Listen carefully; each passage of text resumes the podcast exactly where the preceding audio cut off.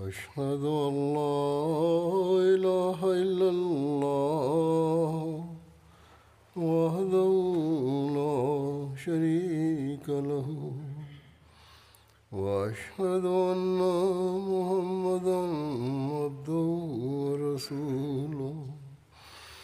أما بعد فأعوذ بالله من الشيطان الرجيم.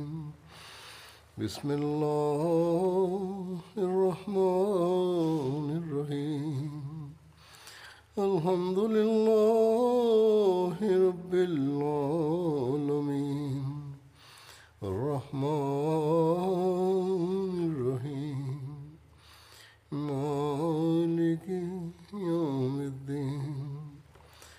إياك نعبد وإياك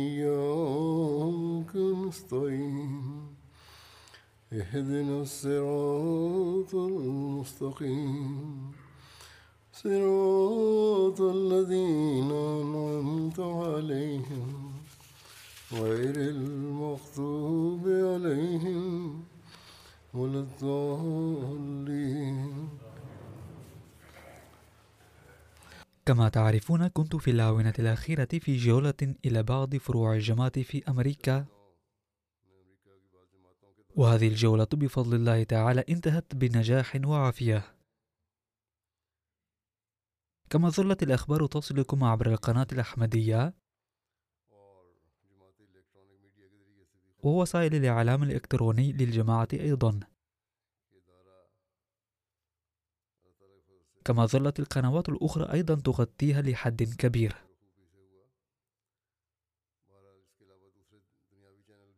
فقد لاحظنا نزول أفضال الله عز وجل من كل النواحي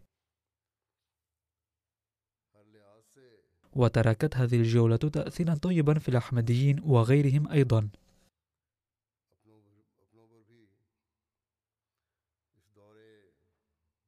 قال أحد خدام الأحمدية لصديقه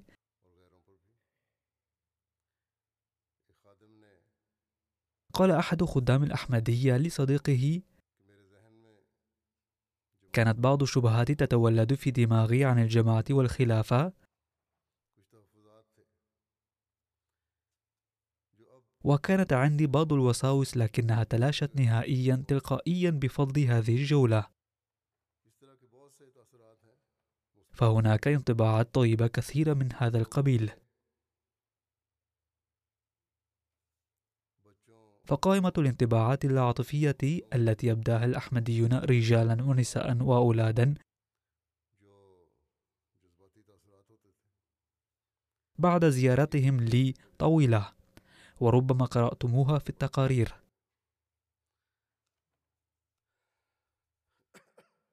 ثم كان عدد الحضور في المساجد في صهيون ودالاس وفي مسجد بيت الرحمن في ماريلاند جيدا.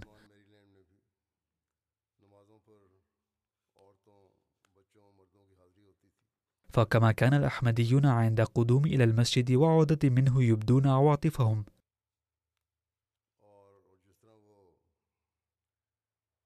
كان يترشح منه أنهم يكنون في قلوبهم علاقة الحب والإخلاص والوفاء للخلافة. فكان المثقفون والأثرياء والمشغولون ماديا ينتظرون في الطوابير لخمس ساعات أو ست ليجدوا المكان داخل المسجد. فلا تصح الفكرة القائلة بأن الفارغين يأتون المسجد. فهذا التغيير وهذا السلوك يعبر بفضل الله عز وجل عن حبهم للدين والجماعة. وأن في قلوبهم حبا للخلافة. وكذلك كان الأولاد البالغون من العمر 11 سنة أو 12 سنة فقط ينتظرون في الطوابير خمسة أو ست ساعات.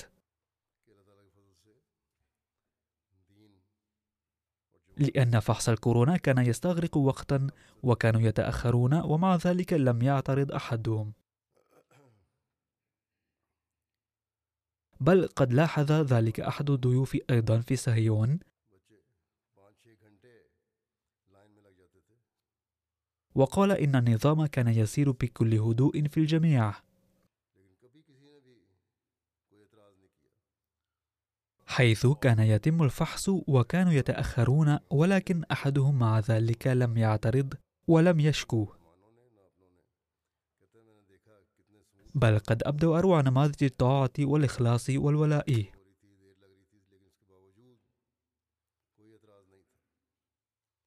قال لي والدا طفل عمره 12 سنة فقط. منذ حضوركم إلى هنا فإن ابننا هذا يخرج من البيت قبل موعد الصلاة بست ساعات تقريبا. وينتظر في الطابور موعده لدخول المسجد. ولا يبالي بشيء آخر. مع أنه لم يأتي للصلاة بهذا الحماس. على كل حال قد لاحظت الفرحة والسعادة في الأولاد والبنات. فهذا فضل الله عز وجل على الجماعة. فقد حضر الناس للصلاة من كل مكان بعدد أكبر بكثير مما توقعه المسؤولون. وأسأل الله عز وجل أن يديم علاقتهم بالمساجد واهتمامهم بالعبادة. وأن ترى المساجد عامرة دوما وأن أرى دوما مشاهد الإخلاص والوفاء من أبناء الجماعة.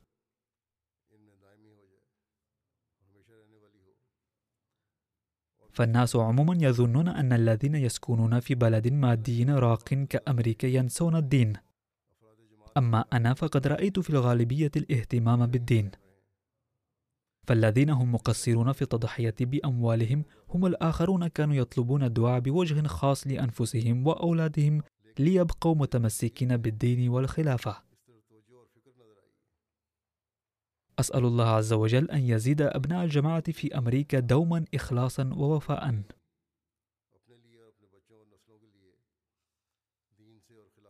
فقد قدمت لجنة إماء الله وخدام الأحمدية وأنصار الله والأولاد الصغار أعمالا تطوعية كثيرة بكل إخلاص. وساهروا عدة ليال لإنجاز الاستعدادات لهذه الجولة. فقد حضر الأحمديون كما قلت سابقا بالآلاف. أما في بيت رحمن فكان عدد الحضور أكبر من ضيوف الجلسة السنوية عندهم. مع ذلك قد نظم المسؤولون كل شيء بروعة.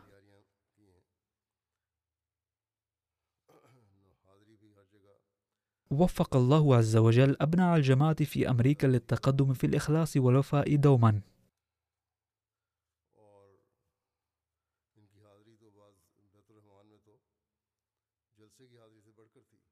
وأسأل الله ألا يكون هذا التغير عابرا بل يدوم. الآن سأتناول انطباعات بعض الضيوف الذين هم ليسوا من الجماعة. فقد خلق الله عز وجل تأثيرا غير عادي في قلوب الآخرين أيضا.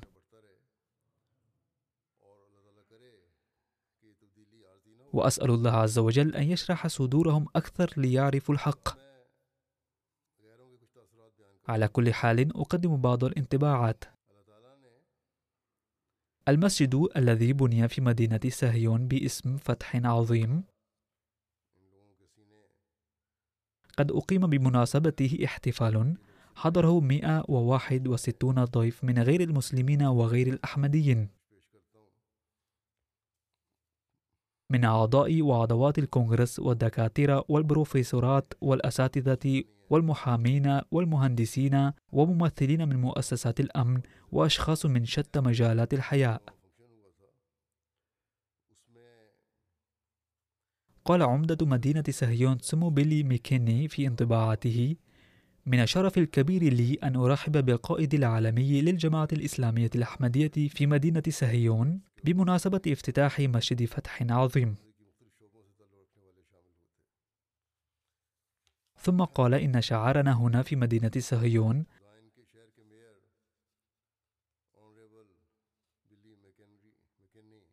الماضي التاريخي والمستقبل الديناميكي. وإن هذا المسجد الجميل في قلب المدينة يمثل أروع مثال له. ثم قال أدعو وأتمنى أن يؤدي هذا المعبد الدور الجسري بين ماضينا ومستقبلنا.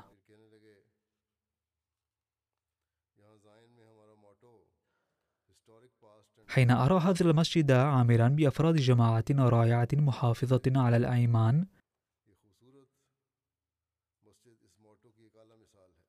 فهذا يولد بصيص عمل لمستقبل مدينة صهيون.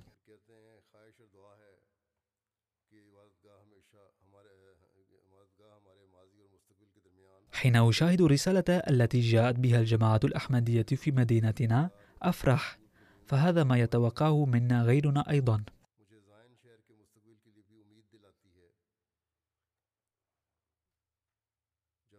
ثم قال إن هذه الجماعة تبجل وتعظم رسول الإسلام محمدا صلى الله عليه وسلم الذي أبرم عهدا مع المسيحيين.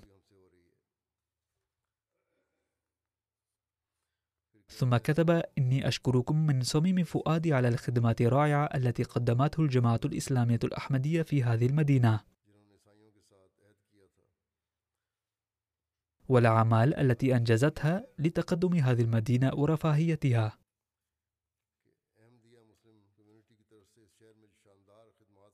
وأقدم مفتاح المدينة لإمام الجماعة الأحمدية.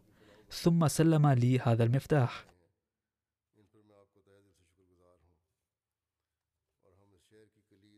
ثم قال إني أقيم هنا منذ عام 1962 فهذا البرنامج تاريخي لمدينة سهيون والجماعة.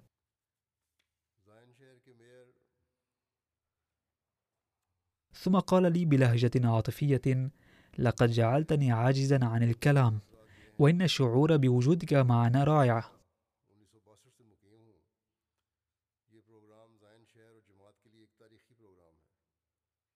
قال عضو الجمعية العامة لإلينوي سمو جوايس ميسون في انطباعاته. إن حضوري في الحفل التاريخي بمناسبة افتتاح مسجد فتح عظيم في صهيون لا شرف كبير لي. سهيون تحظى بأهمية تاريخية للجماعة الإسلامية الأحمدية. اليوم يوم ممتاز لهذه المدينة. مدينة سهيون قد أسسها ألكسندر دوي في أوائل القرن الفائت. وكان يريد أن يجعلها مدينة مناصرة للحكم الديني. التي أبوابها مغلقة على كل من لا يؤمن به. أما اليوم فهي بيت أتباع شتى الأديان. وهذا المسجد علامة قبول أدعية المؤمنين ضد المتعصبين. أهنئ الجماعة الإسلامية الأحمدية بهذا الانتصار العظيم. فقد اطلع الأغيار أيضا على هذه المواجهة. ثم قال إن إمام الجماعة الإسلامية الأحمدية قائد مسلم بارز لترويج الأمن. ثم قال إنه قد تكلم مع واضعي القانون وبعض القادة في العالم مركزا على ضرورة إقامة السلام. ثم كتب من سعادة مدينة صهيون أن الجماعة الإسلامية الأحمدية المسالمة وخادمة الدين قررت السكن هنا وبناء هذا المسجد الجميل هنا. إن أمنيتي القلبية ألا يصبح هذا المسجد بصيص أمل لهذه المدينة فحسب بل لأطراف العالم كله. إنني أقدم مذكرة في الجماعية مهنئا هذه الجماعة بافتتاح هذا المسجد الجديد. ثم تقول دكتورة كارتينا لانتوس رئيسة مؤسسة لانتوس لحقوق الإنسان والعدالة أشعر بأنني كلما التقيت بأفراد الجماعة ازددت روحانية. ثم تقول لما سمعت عن المباهلة التي حصلت هنا في صهيون فوجعت كثيرا كيف أنها لاقت كثيرا من الدعاية في تلك الأيام التي لم تكن فيها الهواتف المحمولة وأجهزة الكمبيوتر ووسائل التواصل الأخرى. كانت هناك إحدى النظريات للدكتور جون دوي التي قامت على الكراهية والتحامل والنظرية الأخرى كانت لمؤسس الجماعة الأحمدية ميرزا غلام أحمد التي قامت على الاحترام المتبادل والتسامح. وكانت هذه النظرية لشخص ترك نتيجتها على بركة الله بشكل كامل. ثم نعرف من حقق الفتح في هذه المباهلة.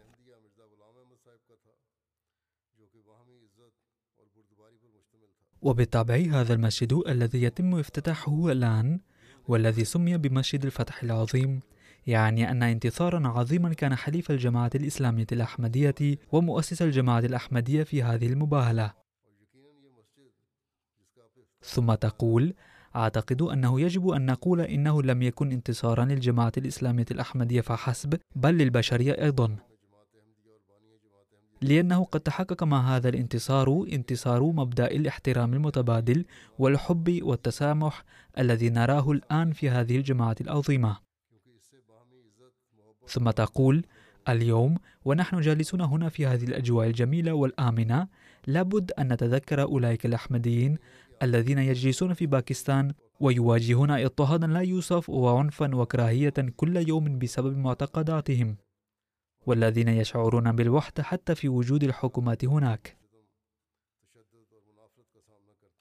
ثم عرب مفوض صهيون السابق السيد أميس مونك عن آرائه فقال أعتقد أن تعاليمكم تحيط بكل شيء ويجب أن يكون العالم أكثر وعيا بها. أعتقد أن هذا هو أجمل سر في عالمنا اليوم. أستطيع أن أرى منشورات على الطاولة أمامي وهي تحمل رسائل العدل والإنصاف والصدق والمحبة. وهي تلك الأمور التي يحتاجها العالم إذا تم القضاء على الكراهية سيتحول العالم إلى ما يشبه الجنة. أعتقد أن هذه الرسالة يجب أن يسمعها العالم بأسره. لأنها الحل الوحيد لمشاكل العالم. البروفيسور غرين كونستيندين الذي ألف أيضا كتابا حول سيرة النبي الكريم صلى الله عليه وسلم هو أستاذ ومسيحي متدين يقول لقد أصبحت عاطفيا للغاية من أن خليفة الوقت قابلني كصديق قديم. لقد أعجبت كثيرا بخطاب إمام الجماعة وهذا الخطاب زاد من معرفتي بالإسلام. عندما أحصل على نص هذا الخطاب فسأستخدمه في كتاب التالي.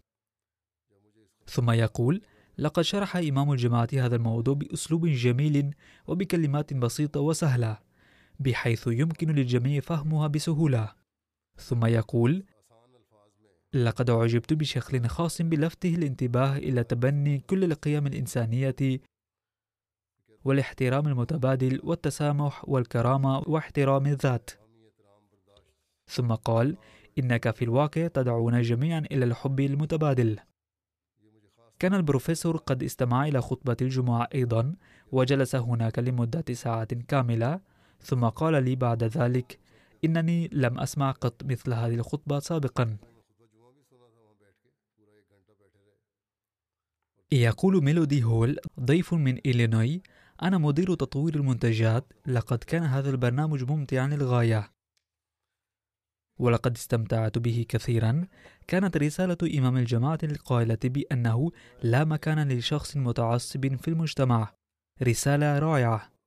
إنه شعور رائع وفريد للغاية أن أراه وأنصت إلى كلماته. لقد استمتعت حقا وأعجبني قول إمام الجماعة إن السلاح الذي نملكه هو سلاح الدعاء. قال ضيف آخر السيد جيف فيندر إنني محاسب قانوني معتمد وأقوم أيضا بأعمال عقارية. كانت هذه تجربتي الأولى. أنا منبهر جدا. لقد كان القدوم إلى هنا لافتتاح المسجد فرصة ثمينة في حياتي. ثم قال عن خطابي لقد أعجبت به كثيرا وحصلت على الكثير من المعلومات الجديدة عنكم. ثم قال إن دعوة المباهلة كان جديدة بالنسبة لي وسأقرأ عنها أكثر. وهكذا تنفتح طرق التبليغ أيضا.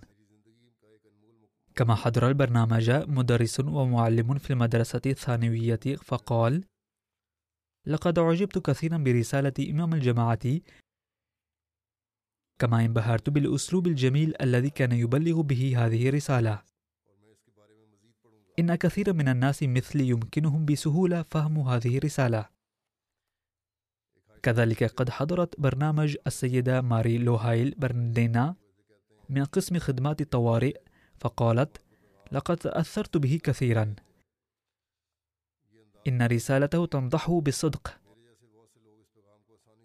لم يكن هناك أي تصنع وكان أسلوب إيصال الرسالة صحيحا وصادقا من جميع النواحي. مما يتيح للجميع تقييم حياتكم اليومية. كما شارك الدكتور جي سي رويد رينجيز في البرنامج وهو المشرف على المدارس في منطقة فينتن يقول إن محور خطاب إمام الجماعة كان الوحدة المتبادلة كان رسالته رائعة.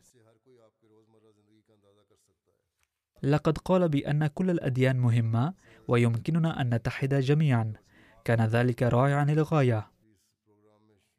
ثم قال زاك ليفنسون مدير مدرسة ثانوية محلية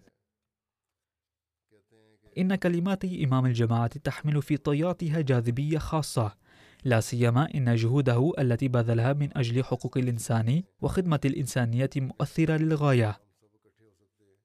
شعاركم الحب للجميع ولا كراهية لأحد يتردد صداها في جميع الأمم وجميع الأديان وخاصة في كل مدينة صهيون. هناك حاجة ماسة لمثل هذه الرسالة. لقد لحقت الكثير من الأضرار العاطفية والاقتصادية بأسرنا وطلابنا بعد الوباء. ونحن في أمس الحاجة إلى هذه الرسالة للخروج من هذه المشاكل. كما اشترك في البرنامج ضيف آخر كان قد وضع لبنة عند تأسيس مسجدنا في سهيون يقول كان اليوم يوما جميلا. لقد أتيحت لي الفرصة للحضور في مناسبة وضع حجر الأساس لهذا المسجد في العام الماضي وكنت سعيدا جدا برؤيته مكتملا. إن مسجدكم مصدر عمل وذريعة للتصادق مع مجتمعنا. يقول رئيس الشرطة صهيون السيد إيريك إنه كان برنامجا جيدا للغاية. كان رائعا أن أرى الحب والإخلاص من الجميع. الرسالة التي تقول لا يهم من أنت ما يهم هو أنك من الذين يهتم بعضهم ببعض. يا لها من رسالة جميلة ورائعة. تقول الضيفة السيدة جينيفر إذا تكلمنا عن مبادئ جماعتكم فهي في منتهى الروعة. أثناء دخولكم إلى مدينة صهيون يظهر على المبنى القديم شعار الحب للجميع ولا كراهية لأحد. ويبقى صدى هذا الشعار معك. يصبح كهذا الصوت وهو الروح الحقيقية لمدينة صهيون ثم قال ضيف آخر السيد شيرلي نيل المشرف على بلدة صهيون لقد انبهرت جدا بالترتيبات. أنا سعيد جدا لأنكم نجحتم في تحقيق هدفكم. ثم قال ضيف آخر إنه لأمر رائع أن نعرف أن بيننا قائد مثله وهو يمثل ملايين من الناس ويربطهم معا. ويتحدث حول موضوع أننا جميعا متحدون وكل دين مهم. هذه رسالة جيدة جدا ومؤثرة. تقول الضيفة السيدة جوليريا كان تاريخ صهيون المذكور مفيدا جدا على الرغم من أنني أعيش هنا ولكن كان هناك الكثير من الأمور التي لم أكن أعرفها. ثم قال ضيف آخر لقد استمتعت كثيرا بالحدث وقد أثرت في الرسالة تأثيرا كثيرا. كنت أعرف عن شعاركم الحب للجميع ولا كراهية لأحد. ولكن رؤيتكم جعلني أصدق ذلك أكثر. هذا وهناك أشياء كثيرة أثرت في نفسي. أما قول إمام الجماعة الإسلامية الأحمدية أن القرآن الكريم هو الكتاب الوحيد الذي يحمل الأديان كلها فهذا شيء جديد تعلمته ولم أعلم به من قبل. كانت هناك أستاذة هندية اسمها شبانا شنكر جاءت للقائي وهي أستاذة في جامعة نيويورك وقامت بالبحوث في مركز عبد السلام في إيطاليا أيضا ومكثت في غانا أيضا لبعض الوقت. قالت لي في أثناء الحديث بأنك مكثت في أفريقيا وإن أعمالك لا تزال حية هناك. وقالت بأنها تحدثت إلى أكثر من أساتذة اللواتي درسن في مدارس الجماعة للبنات في بلاد أفريقيا. ومدارس الجماعة هي أفضل المدارس للبنات. وهذه الأستاذة تريد أن تبرز خدمات الجماعة في أفريقيا وتاريخها في مجال التعليم وتنوي أن تؤلف كتابا أيضا حول الأحمديين الأحفارقة.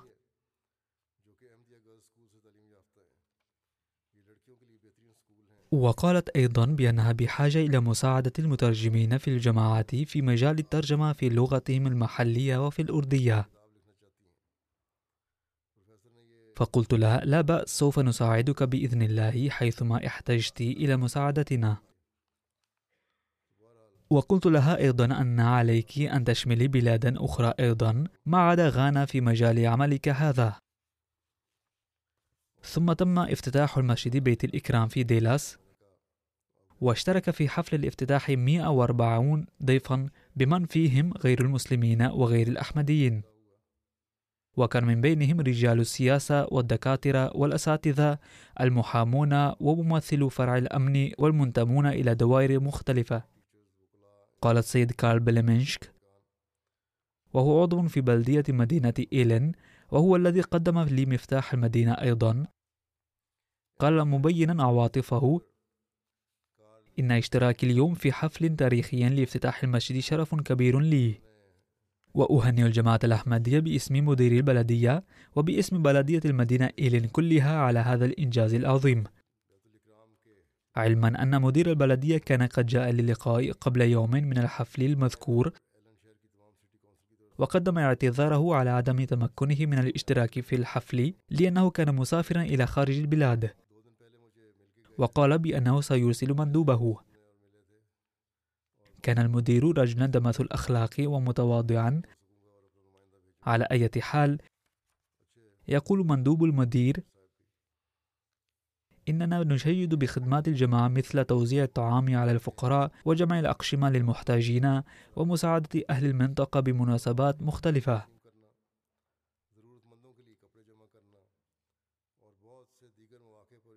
ثم قال إنها لمن سعادة مدينة إيلين أن جماعة مسالمة ومليئة بعاطفة خدمة البشرية تبنت هذه المدينة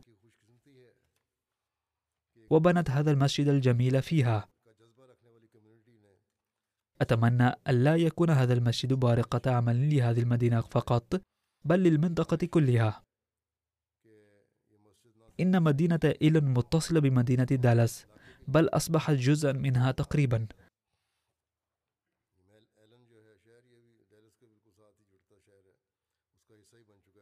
قدم لي المندوب مفتاح المدينة من قبل بلدية المدينة ومديرها. كذلك اشترك في الحفل الأستاذ روبرت هانت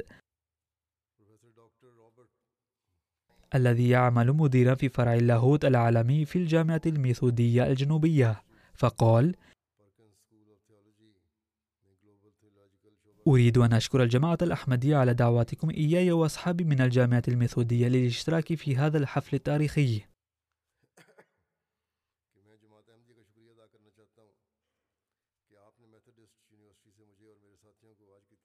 معلوم أن إمام الجماعة كرس نفسه لترويج أمرين اثنين. أولهما هو الحرية الدينية والثاني الحوار والنقاش بين الأديان. وهناك علاقة قوية بين كلا الأمرين. لأنه لولا التفاهم المتبادل والاحترام المتبادل بين الأديان لتقوت ظاهرة النفور والكراهية. وأقول ذلك على أساس أنني قضيت نصف عمري بعد البلوغ إلى سن الرشد في بلاد كنت فيها ضمن الأقلية الدينية. التاريخ شاهد على أن الجماعة الأحمدية جعلت عرضة الظلم والاضطهاد. لذلك تقف الجماعة في الصف الأول في مجال السعي للحرية الدينية. وما لم نعامل بعضنا بعضا بالاحترام المتبادل والعقل المفتوح لا يمكننا السيطرة على الفرقة ولا يمكننا أن نقضي على الأفكار السلبية في المجتمع. وقال عضو الكونغرس الجمهوري السيد مايكل ميكال في بيان انطباعاته هناك ثلاثة أديان في العالم يصل تاريخها إلى سيدنا إبراهيم عليه السلام وهي اليهودية والنصرانية والإسلام. وقال لي إنكم تعتقدون أن هذه الأديان الثلاثة المرتبطة بإبراهيم عليه السلام قادرة على التعايش بسلام. وليس أي دين يمكن أن يجرب هذا الأمر أكثر من الجماعة الأحمدية. ثم قال لقد سنحت لي الفرصة للحديث مع إمام الجماعة حول عيسى عليه السلام وتعاليم الجماعة وعن العهد القديم والجديد. كان عنده كتاب المسيح الناصري في الهند وقال بأنه قرأ نصفه إلى الآن وسيكمل قراءته لأنه كتاب ممتع جدا. وسأقوم بمزيد من البحث والتحقيق حول هذا الموضوع. لقد اطلعت على عدة أمور جديدة عن عيسى عليه السلام من خلال هذا الكتاب. هو رجل مثقف جدا ولديه رغبة في الأمور الدينية. فأضاف وقال لقد سنحت لي الفرصة للحديث عن العهد الجديد والأناجيل. ولا شك أننا نستطيع أن نتعلم من الجماعة الأحمدية كثيرا عن الأمن والمواساة والحب. لقد تربيت في بيئة كاثوليكية. والآن أعمل رئيسا للجنة المعنية بالجماعة الأحمدية في الكونغرس الأمريكي. أي هو رئيس اللجنة التي ترفع صوتها بحق الجماعة في العالم. أنا أشيد بوجه خاص مساعيكم في مجال نشر الأمن في العالم وخلق الوحدة بين الأقوام وعدم العنف والقضاء على التطرف والفقر. وفي مجال الاقتصاد العالمي وإرساء دعائم المساواة العالمية وحقوق البشر والحرية الدينية على المستوى العالمي. لقد جعل عديد من الأحمديين عرضة للقتل المستهدف وعلى الرغم من هذا الظلم والاضطهاد الجاري ضد الجماعة قام إمام الجماعة بعمل عظيم بمنعه ممارسة العنف على الآخرين انتقاما منهم لقد نصح إمام الجماعة زعماء العالم مرارا وتكرارا أن العدل ضروري لإقامة الأمن الحقيقي ورفع صوته للشعب المضطهد. إذا فقد تكلم طويلا وأبدى أفكاره الكثيرة من هذا النوع. قال ضيف آخر اسمه تامبيري أود أن أشكر إمام الجماعة كانت الضيافة ورسالة الإمام والتعامل مع الآخرين بل كل شيء كان موجودا على أحسن وجه. مما لا شك فيه أنها نعمة أن يعمل الإنسان لخير الآخرين أكثر فأكثر بغض النظر عن الدين والمذهب.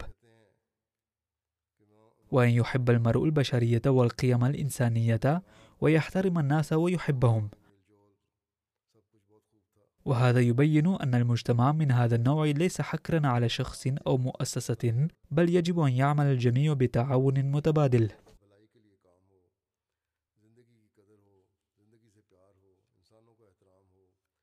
هذه كانت رسالة الخليفة وهذه رسالة جديرة باسترجاعها قبل النوم كل ليلة وبعد النهوض كل صباح. ويجب أن تنشر هذه الرسالة على نطاق واسع ويجب أن نعلمها أولادنا ليواصلوها بعدنا. وعبروا عن شكري لكم مرة أخرى. كان هناك ضيف مسلم اسمه السيد سلطان چودري فقال إن رسالة الأمن التي وجهها إمام الجماعة إلى العالم كله إنها أفضل رسالة بحسب رأيي. وأرى ضروريا جدا أن يزال الخوف من أن المسلمين سيسيطرون على هذه المنطقة. لقد وضح أنه ما دام ليس هناك من يتآمر أو يسعى للقضاء على المسلمين لذا لا مبرر لدى المسلمين أيضا أن يقوموا بما من شأنه أن يشعل الحرب. جاء ضيف من الكنيسة الجنوبية بريبستين. عفوا هي ضيفة اسمها السيدة ديوديلي ميكاد. قالت قد ارتحت كثيرا برؤية الخليفة وسماع كلامه ولم أرى أحدا ساعيا لإقامة الأمن العالمي بهذا الشكل. وهذا شعور رائع.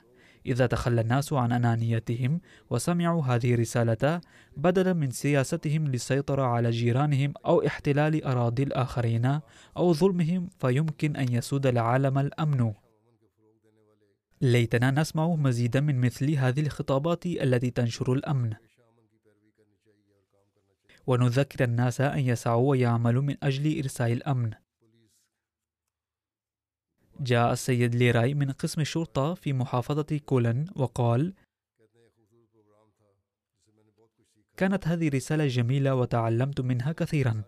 لقد قامت الجماعة الأحمدية المسلمة بعمل عظيم حقيقة. ثم قال مسلم وهو الدكتور حليم الرحمن كان هذا لا يصدق. لقد أعجبت كثيرا بهذا البرنامج والإعدادات والضيافة. ولا أرى نفسي جديرا بهذا الاحترام التي لاقيته هنا. ابتلت عيناي برؤية هذا الجو وهذا التكريم. وأشعر أنني وجدت فرصة قضاء بعض الوقت بين أطيب الناس الذين يعملون بتعاليم الإسلام الحقيقية.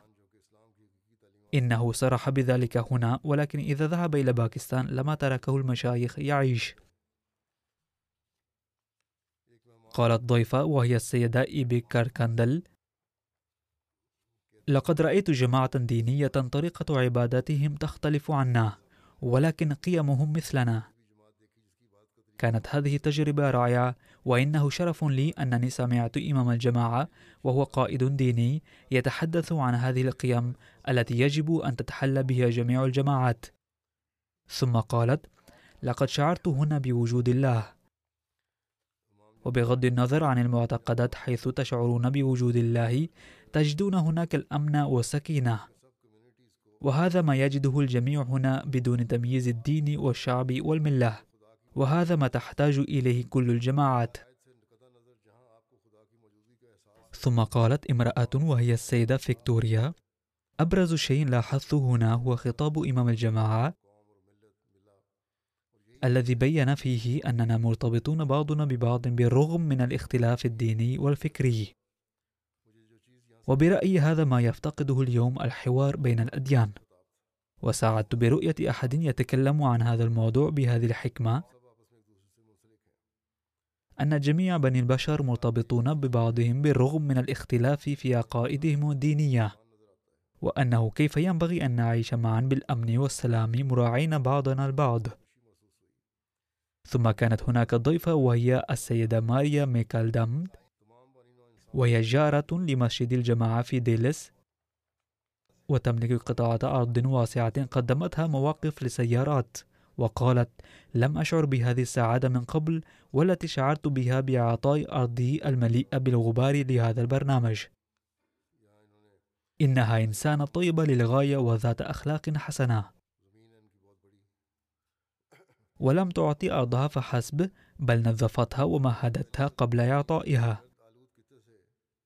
ثم قالت سيدة أخرى وهي السيدة بيرولي ميكارلد أحب أن أسمع قادة الدينيين دوما الذين يدعون الناس باستمرار إلى إقامة الأمن ودرء الخلافات وإنشاء علاقات الحب فيما بينهم. وأشعر بسعادة حين أسمع مثل هذه الرسالة وأنا شخصيا لا أشعر بأي خوف من هذه الجماعة ولا أفهم لماذا يخاف منها الآخرون. لأن هذه الجماعة إنما تحب وتهتم بالآخرين وتخدم الخلق. وإذا كان لدى أحد أي خوف فهو يزول فورا برؤية خدمة الجماعة لخلق الله وأعمالها الخيرية. ثم قال ضيف آخر هو السيد جوشوا دعيت اليوم أنا وبعض القساوسة الآخرون إلى حضور هذه المناسبة لافتتاح المسجد لكي يجدوا فرصة الحديث مع الناس. وإنني أقدر هذا الشيء جدا حيث تم الحديث بغاية الحكمة حول الأمن والوحدة والعدالة. وعلمت بوجود أناس ينتمون إلى حضارات وشعوب متنوعة ولكنهم يبشرون بوجود الله في حياتنا وبالمواساة بين بني البشر. ولأن أعمالنا تؤثر في بعضنا البعض. لذا من الضروري جدا أن نلتقي هكذا مع بعضنا ونتناول الطعام ونتبادل الحديث. قال كنت أقول لزوجتي الضيافة هنا رائعة وحين وصلنا هنا وجدنا كل شيء مرتبا للغاية. كذلك اشترت الجماعة مكانا جديدا للمسجد الصغير. قطعة الأرض ثلاثة فدانين والبناية أيضا كبيرة ولكنه ليس مسجدا بل اشتريت كبناء. هناك مكان اسمه فورت وورث وهو يبعد عن دالاس قرابة 55 ميلا. ذهبت هناك أيضا. مساحة الأرض تساوي ثلاثة فدانين ونصف أي ثلاثة عشر ألف مربع متر. وفيها بناية تشمل قاعة كبيرة ومكاتب.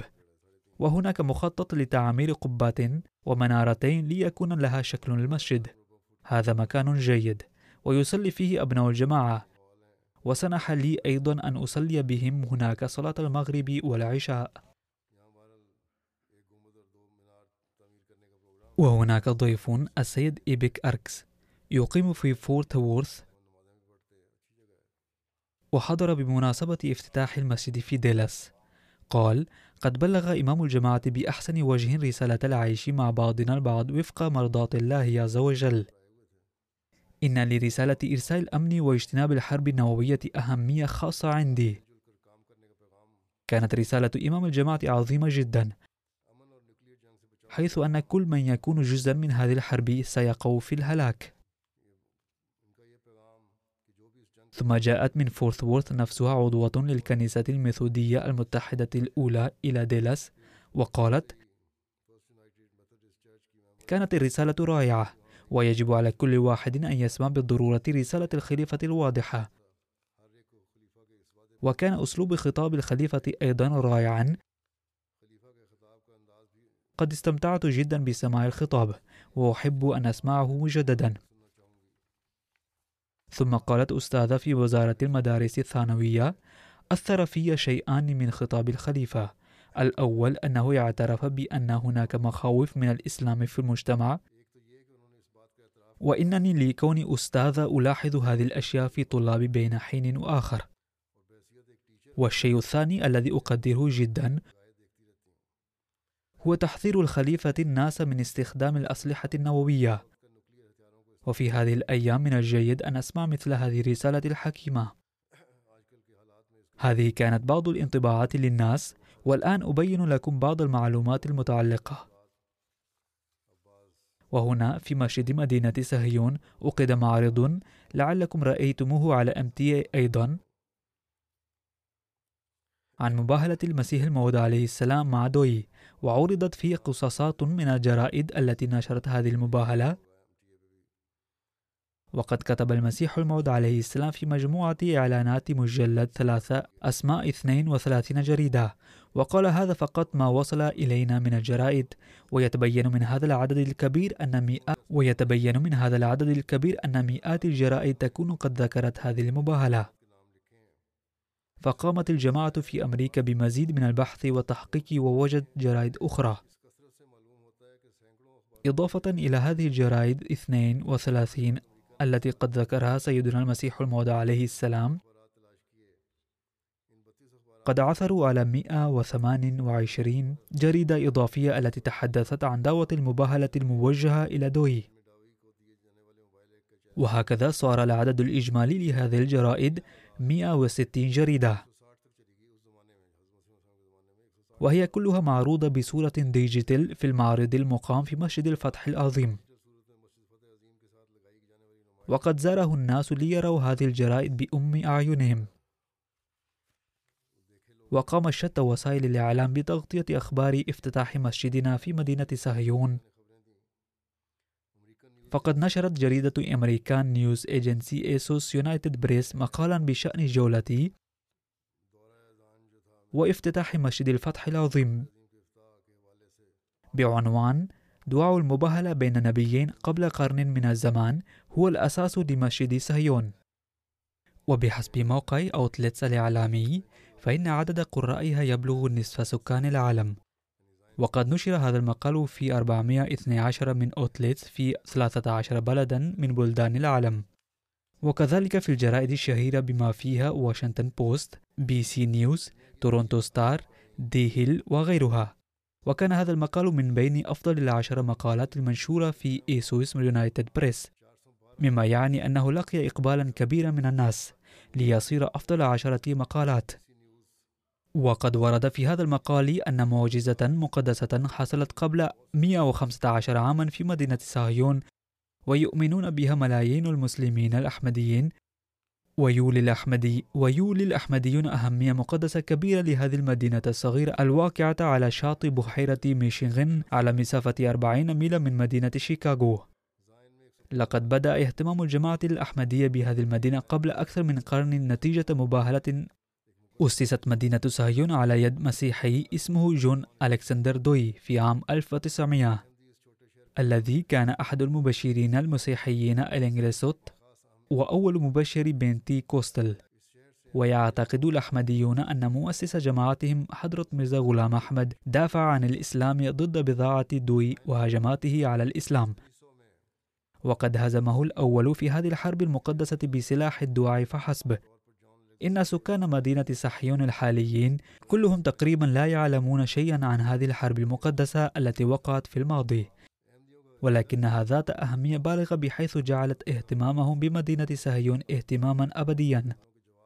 فقد اجتمع آلاف المسلمين الأحمديين من كل أنحاء العالم في هذه المدينة لإنعاش ذكريات هذه المعجزة التي عمرها قرن من الزمان وتاريخ مدينة صهيون ولافتتاح أهم معالمهم الدينية أعني أول مسجد أحمدي في هذه المدينة. ثم بعد ذلك ذكر صاحب المقال ما لا بأس به من تاريخ الدوي القديم. ثم قال إن الأحمديين يؤمنون أن مؤسسهم ميرزا غلام أحمد وهو من مواليد 1845 كان ذلك المصلح الذي بشر به مؤسس الإسلام وأنه جاء مثيلا لسيدنا المسيح ومجيئه بمنزلة المجيء الثاني للمسيح. كما تمت في كندا تغطية جولة لمدينة صهيون وافتتاح لمسجد الفتح العظيم على نطاق واسع. بفضل الله تعالى قد غطت تسع جرائد كبرى وست من دوار النشر على الموقع الإلكتروني. ومحطة, ومحطة إذاعة جولة لمدينة صهيون وهكذا بلغت رسالتنا إلى 857 ألف شخص في كندا. علاوة على الولايات المتحدة وكندا فقد قامت بتغطية هذا الحدث الجرائد أونلاين في اليونان وتايوان والهند وهونغ كونغ وبيرو الفلبين أفريقيا الشمالية تنزانيا وفيتنام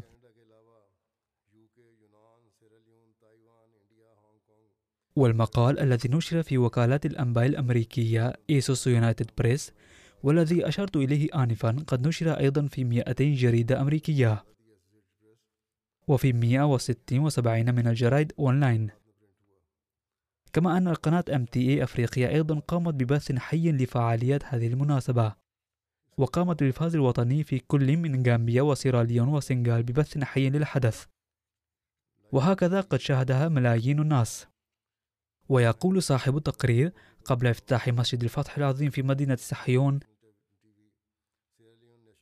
بدأت استوديوهات البث المباشر بنصف ساعة تقريبا حيث بينا باللغة المحلية خلفية نبوءة المسيح الموعود عليه السلام عن الإكسندر دوي.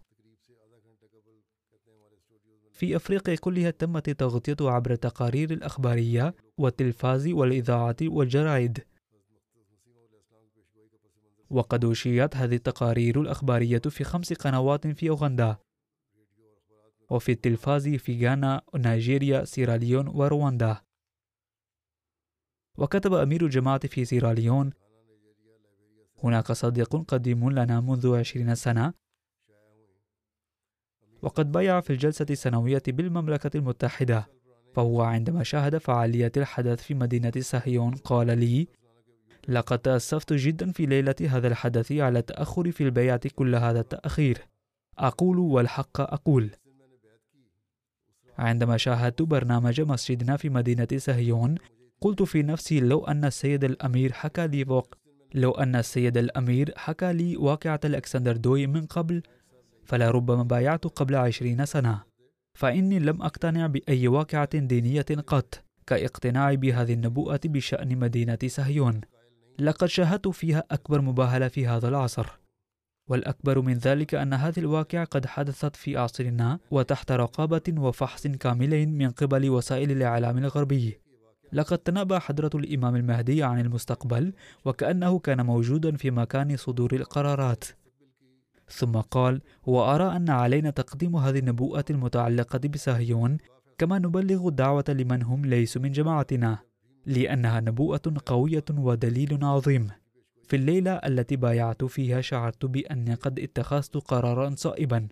أما اليوم فبعد معرفة النبوءة المتعلقة بصهيون فقد تنفست الصعداء وأيقنت أن بحثي عن الحق لعشرين عاما لم تذهب سدى وأنني كنت مصيبا في اتخاذ هذا القرار. وكان من بين أنشطتي الأخرى هنالك في واشنطن وفي مسجد ميريلاند لقائي بسفراء غانا وسيراليون حيث تحدثنا عن أحوال بلادهما. كان اللقاء معهما لقاء جيدا. ثم كان اللقاء مع المبايعين الجدد حيث حضره حوالي 45 منهم. وكنت أمرت الجماعة بالبحث عن الأحمديين القدامى فبحثوا عن بعض منهم. كان بعض هؤلاء المبايعين الجدد تعرضوا للمعارضة ولكنهم ظلوا ثابتين. وقد أخبر أحد المبايعين الجدد أن عائلته لما علمت بأنه صار أحمديا خالفته بشدة وتخلت عنه وتركته.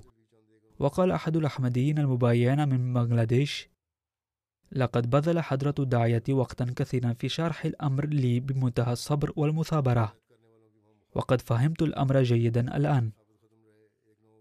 ثم خاطب هذا الأخ المبايعين الجدد الآخرين وقال بكل حماس الآن قد استوعبت الأحمدية وها إني أخبركم أنها هي الإسلام الصحيح فلا تتركوها أبدا.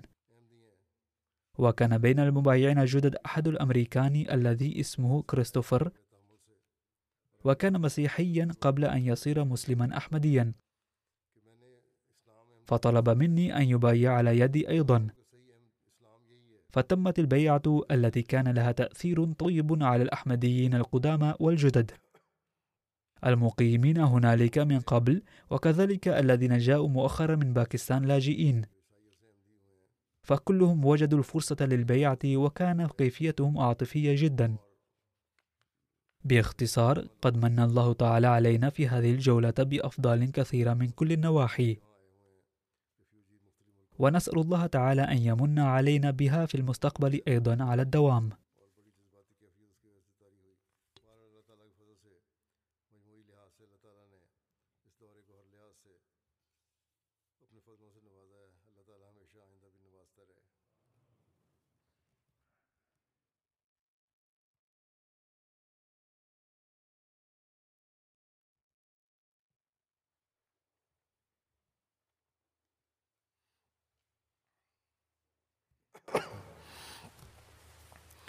الحمد لله الحمد لله نحمده ونستعينه ونستغفره ونؤمن به ونتوكل عليه ونعوذ بالله من شرور أنفسنا ومن سيئات أعمالنا. من يهده الله فلا مضل له ومن يضلل فلا هادي له. ونشهد أن لا إله إلا الله ونشهد أن محمدا عبده ورسوله. عباد الله رحمكم الله. إن الله يأمر بالعدل والإحسان وإيتاء ذي القربى وينهى عن الفحشاء والمنكر والبغي يعظكم لعلكم تذكرون اذكروا الله يذكركم وادعوه يستجب لكم ولذكر الله أكبر.